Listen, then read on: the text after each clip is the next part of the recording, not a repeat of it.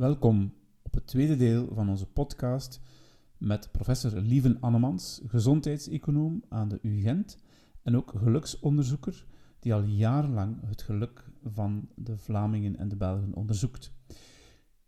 We nemen je 20 minuten mee in het tweede deel van het gesprek over hoe we geluk kunnen vinden zonder het te hard te zoeken.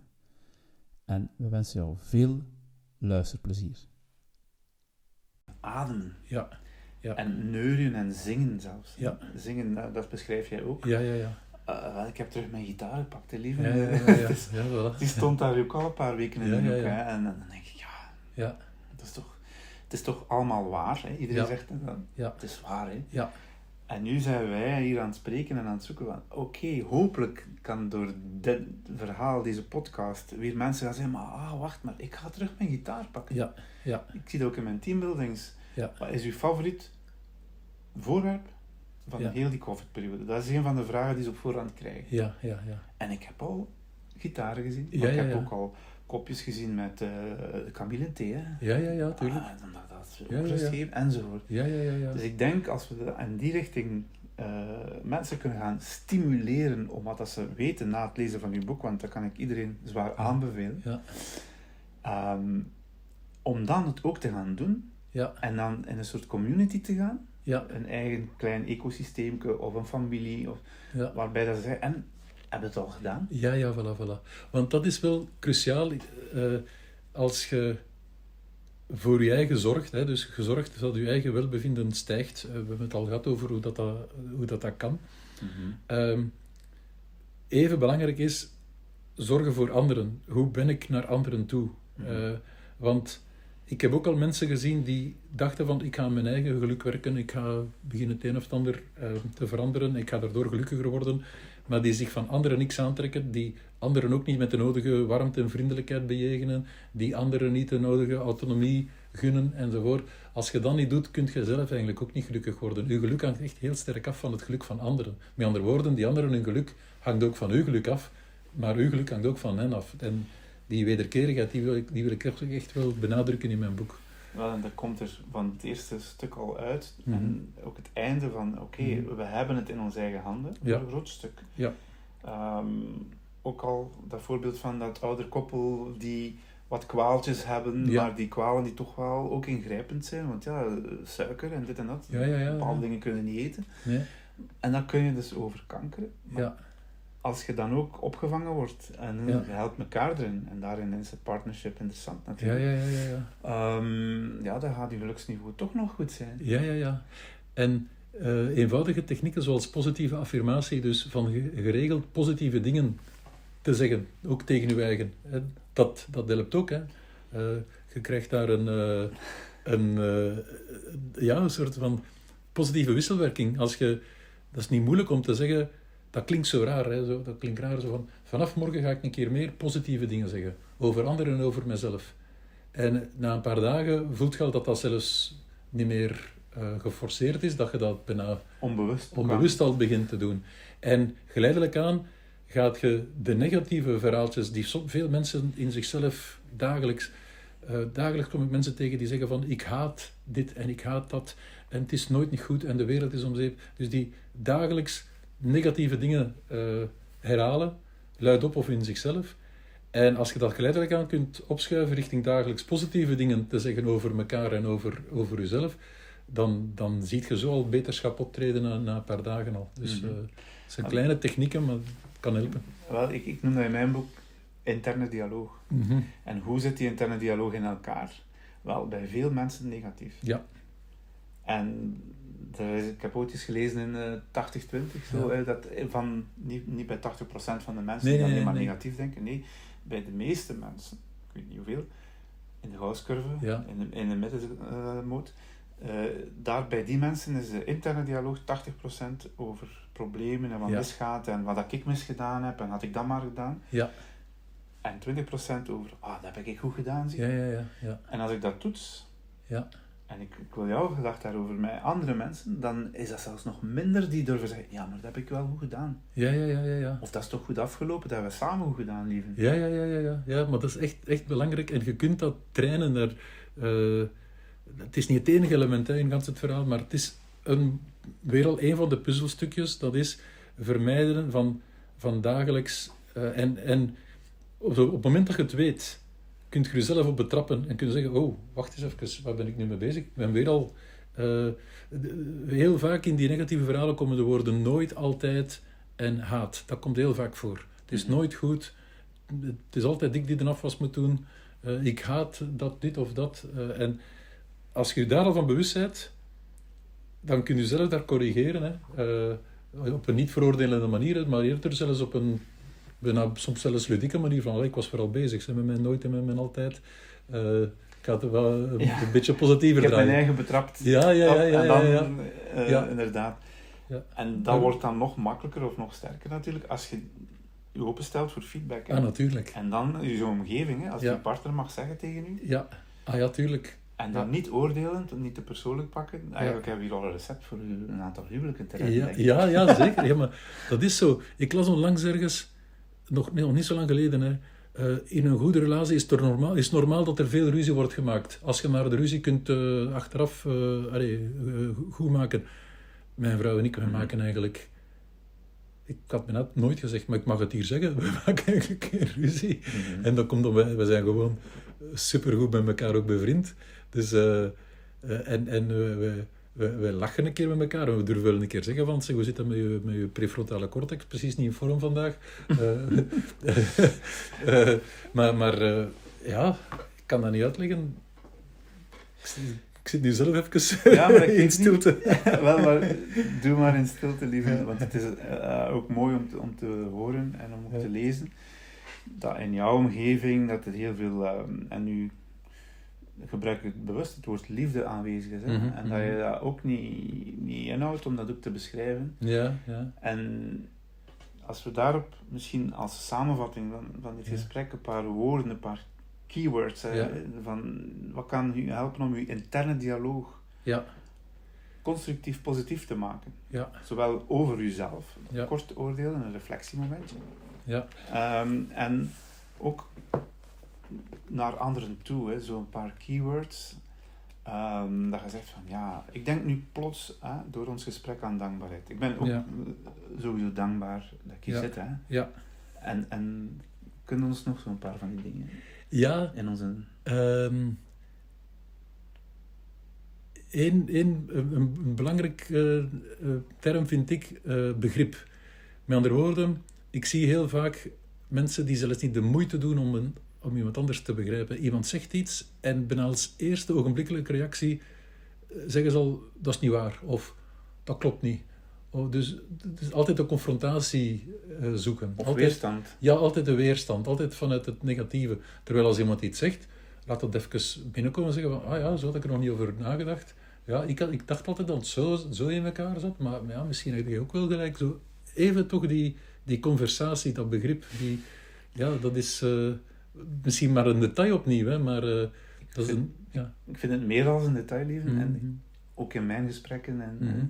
heb ik daar ook een trucje voor gevonden dat ik Mhm. ook geleerd heb van iemand anders. Maar dat het dan heel handig is. Want zelfs als je je begint op te winden van ik ben niet akkoord en oh, wat zegt die nu? Komt bij mij nu in mijn prefrontale cortex geprojecteerd interessant. Ja. Dat Ja. woordje zegt interessant. En eigenlijk Ja. voel ik in mijn hart van oeh, ik ben al blij dat ik interessant gezegd heb, want nu ga ik beter luisteren. Ja. En die persoon voelt zich ook gewaardeerd. Ja, ja, zeker. In zeker. plaats van aangevallen. Een ander kernwoord is Ja. eh, empathie. Eh, u kunnen inleven in de andere. Dus dat is een beetje terug die emotionele resonantie. Dus eigenlijk eh, aanvoelen wat dat anderen voelen. Of toch tenminste een poging doen om dat, om dat Voilà. aan te voelen. Mhm. En dat is ook belangrijk om op een manier te doen die, die ehm, niet betekent dat je die emoties overneemt. Hè. Ik bedoel, Ja, ja. het beste voorbeeld is, eh, stel een, een kind is ziek en dat kind weent. eh, het is niet de bedoeling dat die moeder dan ook begint mee te wenen met dat kind. Dat zou eigenlijk de emoties gaan, gaan eh, imiteren zijn. Maar dat die moeder dat kind op, op haar gemak stelt, dat dat kind eh, de nodige warmte, liefde geeft en op die manier troost geeft en zo. Dat is omdat die, als, als die moeder inderdaad aanvoelt dat dat kind inderdaad eh, pijn heeft of verdriet, daar op de juiste manier dan mee omgaat. Dat is eigenlijk empathie. En empathie ook vertaalt dan in daadkracht natuurlijk. Hè. Niet gewoon, oh, ik heb empathie met u, maar nu ga ik iets anders doen. Hè. Dus empathie en dan ook uiteraard uh, proberen iets uh, van actie te ondernemen, uiteraard. Ja. Exact, ja. ja. Dat zou ook wel een grote stap zijn voor de mensen. Ja, ik moest denken op een bepaald moment... Uh, dat komt van Diane van de Venne, die heeft ook een mooi boekje geschreven. je kan zijn wie je bent. En, en zij maakt op een bepaald moment het onderscheid tussen het ego en de ziel. En uh, zegt van, een ego is hardvochtig en een ziel is hartverwarmend, bijvoorbeeld. Dus dat, is, dat vind ik al een, mooie, een, een mooi contrast. Mooi ook met taal gespeeld, hè. trouwens. Dat, ja. valt mij ook op in, in uw boek, ja. dat je dat ook ja. wel meester bent. En ja, dat ik is doe, inspirerend. Ja. Ik doe mijn best. Uh, het ego kenmerkt zich door onverdraagzaamheid, heel typisch de onverdraagzaamheid, voor het minste... Ik, ja. ik denk zo. En... Ja, ja, en... en en, en dat groot gelijk willen halen, is ook typisch voor iemand met een groot ego. Mm -hmm. Ik wil ik wil gelijk halen. Gelijk. Ja, ja. Terwijl uh, iemand met, met dan een, een, een ziel en, en niet zo'n sterk uh, egocentrische houding, die gaat veel toleranter ook zijn, die gaat dingen accepteren. En oké, okay, die is anders dan ik, zo wat, ik ben ook anders dan, dan hem. Dus uh, als we maar samen overeenkomen, is het, is het goed. Ja, mooi. Typisch ook um, mededogen, dat vind ik zo'n prachtig woord. daar is in de negatieve zin is het woord meedogenloos een meedogenloze persoon. Hè? Dat is niet goed. En mededogen is eigenlijk het positieve. Iemand die mededogen heeft, gaat nog iets verder dan, dan empathie, die, die gaat ook die anderen het beste willen, Mm. het beste wensen. Mm. En pas op, dat moet echt al heel goed zijn. Hè? Ik bedoel, dan... Zeker als je dat je vijand wilt. Ja, ja, ja, voilà, voilà. Dus, Zogenaamde vijand. ja, ja, ja, ja. Dus uh, ik sluit daar soms in van, van mensen die, die, uh, die stommiteiten schrijven, die of lelijke dingen schrijven of, of zeggen, van dat te proberen met de mantel ter liefde te, te bedekken en zeggen van eigenlijk heb ik mededogen met die persoon, want dat, dat, is een, dat is waarschijnlijk geen gelukkig persoon. Dat is waarschijnlijk een persoon die heel veel worstelt met, met zijn of haar ego. Uh, dus ik heb daar mededogen mee. Uh, maar als je dat te luid zegt, dan klinkt dat een beetje ook uh, zo van... Uh, van op je morele hoogte ga je een keer zeggen dat je mededogen hebt met, met diegene. Ik volg die... het wel, Ja. want in uw boek schrijf je daar ook iets over. Schelden, en Ja. mensen die schelden, die zijn eigenlijk overhoop met zichzelf. Ja. Dus dat is een beetje, Ja, ja, dat met klopt. die medogeloos, dat komt ook vaak vanuit de frustratie natuurlijk. Ja. Maar het is een, een heel mooie. En wat zou uw laatste quote zijn? Oh, ja, ik wel, heb... je hebt een mooie, een mooie aantal keywords gegeven. Ah, wel, Ik vind een hele mooie komt van uh, Gilbert Cesbron, een Franse schrijver. Uh, je kan geluk uh, vermenigvuldigen door het te delen. Dat vind ik een hele mooie. En dat past ook bij wat ik eigenlijk wil aangeven in mijn boek. Mhm. Uh, gelukkig, gelukkig zijn, gelukkig worden, dat doe je niet alleen. Dus als je zelf eraan kunt werken, aan je geluk, en bovendien kan je dat nog een keer gaan delen met anderen, dan, uh, ja, dan kunnen we inderdaad ons gemiddelde geluk uh, opkrikken, denk ik. Had jij nog aan een andere quote gedacht? Ik zie het. Nee, nee, nee. Ik was, ik was gewoon aan het denken uh, hoe we dit op een, op een krachtige manier kunnen afsluiten, lieve, in dit Ja, gesprek. Want ja. ehm, ik voel, wij kunnen nog uren doorgaan. En wie weet, komt dat er nog wel van. ehm, omdat we toch diezelfde soort purpose hebben en Mhm. missie hebben om met de kennis en ervaring die jij hebt en Ah, wel, ik ga toch nog iets, mensen. nog iets Dus, zeggen. Voilà. Ehm, en ik beschrijf het ook op het einde van mijn boek. Eigenlijk, eh, ooit heeft, Kennedy een keer gezegd: ehm, Don't ask what your country can do for you, ask what you can do for your country. Hij wou de mensen eh, activeren. Hè. Blijf niet in je luie zetel zitten. Als je wilt dat de maatschappij verbetert, ah, wel, eh, kom dan in actie. Al, al was het maar op buurtniveau. Hè. We doen een keer een tof buurtinitiatief. eh, Ja. Bel een keer een familielid wat vaker op. Dat zijn kleine dingen die je, die je al kunt doen. Maar eigenlijk is het de twee. Ons land als samenleving kunnen we ook veel doen. Met, ik bedoel daarmee de beleidsmakers, die, daarvan wordt wel verwacht dat ze inderdaad investeren in de gezondheid van de mensen, dat ze investeren in goed onderwijs, eh, in veel meer nadruk op welbevinden in het onderwijs, Ja. enzovoort. Dus we, we kunnen wel degelijk zeggen, we, we expect something from our country, hè, ook eh, om iets te doen. Ehm, burgemeesters kunnen ervoor zorgen dat er heel goede buurtwerking is in de, in de gemeente. In de, tijdens de crisis zijn er sommige burgemeesters die er een punt van gemaakt hebben om, om hun mensen op te bellen. De, de bewoners, niet de burgemeester zelf, iedereen opgebeld, maar uitreiken naar de mensen. Ja. Hè? Dus de, de sociale cohesie versterken. Dat kan het beleid echt allemaal doen. Maar we kunnen zelf ook ask what you can do for your country, ask what you can do for others.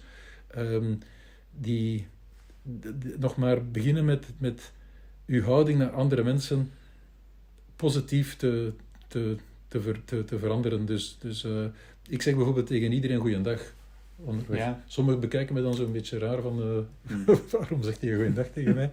Maar, maar op straat uh, knik ik vriendelijk naar, naar iedereen goeiedag. Het begint er al een keer mee. Hè? Ja. En je gaat zien, je gaat je al beter voelen. En dat is what, what can I do for, for others? Mekaar met de nodige warmte en vriendelijkheid uh, bejegenen. En zoveel mensen die, die anderen afdreigen, kwetsen enzovoort. Waarschijnlijk omdat ze te vastzitten in hun eigen ego, maar mm -hmm. Als je die en die klik kunt maken, want dat heeft totaal geen enkele zin, dat is contraproductief, dan, dan zet je weer al, een stap dichter bij, bij gelukkiger worden. En dan voor jezelf zorgen, hè, daar hebben we het uitgebreid over gehad. Ja. meditatie, of onkruid. Dat onkruid, wou ik nog één ding van zeggen, dat was ik er straks vergeten. Iemand zei, nee, je zit pas helemaal zin als je het onkruid laat groeien in je hoofd. maar dan ontstaat er een soort van... Uh, uh, ik heb zo bij ons in onze tuin een typisch onkruid, winden. Uh, en dat geeft dan na een tijdje van die witte bloemen. Dat is mooi, hè? Maar... je buurman is daar niet blij mee. Nee, voilà, voilà. Dus dan zit er toch wel al die wederkerigheid in en respect voor anderen en voilà. Dat is wel een mooie om mee te eindigen. Hè. Dus, uh, het is beter om toch veel mensen rekening te houden rond jou. Ja. En dan daar de yin-yang, ja. het constante, voortdurende onevenwicht ook te omarmen. Want de pure balans bestaat niet. Hè. Het is altijd op en neer dat we gaan. Maar allee, dat is dan mijn ja. dankbare eindquote voor vandaag. Mm -hmm. um, je, je, gaat nog veel mensen inspireren, lieve, maar ik hoop met dit gesprek dat je er al heel veel geïnspireerd hebt. De luisteraars die dit mogen horen en de lezers. Ja. Dank je wel daarvoor. We doen allemaal ons best op ons manier. Hè? Absoluut. ja, dank u. Dank u. Bedankt, professor Annemans, voor deze heldere en duidelijke taal die je gesproken hebt in verband met geluk. Twee pijlers onthouden we. Jezelf goed verzorgen. Beginnen bij gezond ademen, ontspanning, genoeg slapen, voldoende en gezond eten. En aan de andere kant goed connecteren met andere mensen. Uw best doen voor elkaar om er het beste van te maken samen. Ik kan iedereen het boek aanbevelen. Je kan gewoon googlen, internet, onstress.be vinden en daar de link en bestellen. Geluk vinden zonder het te zoeken. En je zal het vinden. Bedankt voor het luisteren en tot de volgende keer. Dag.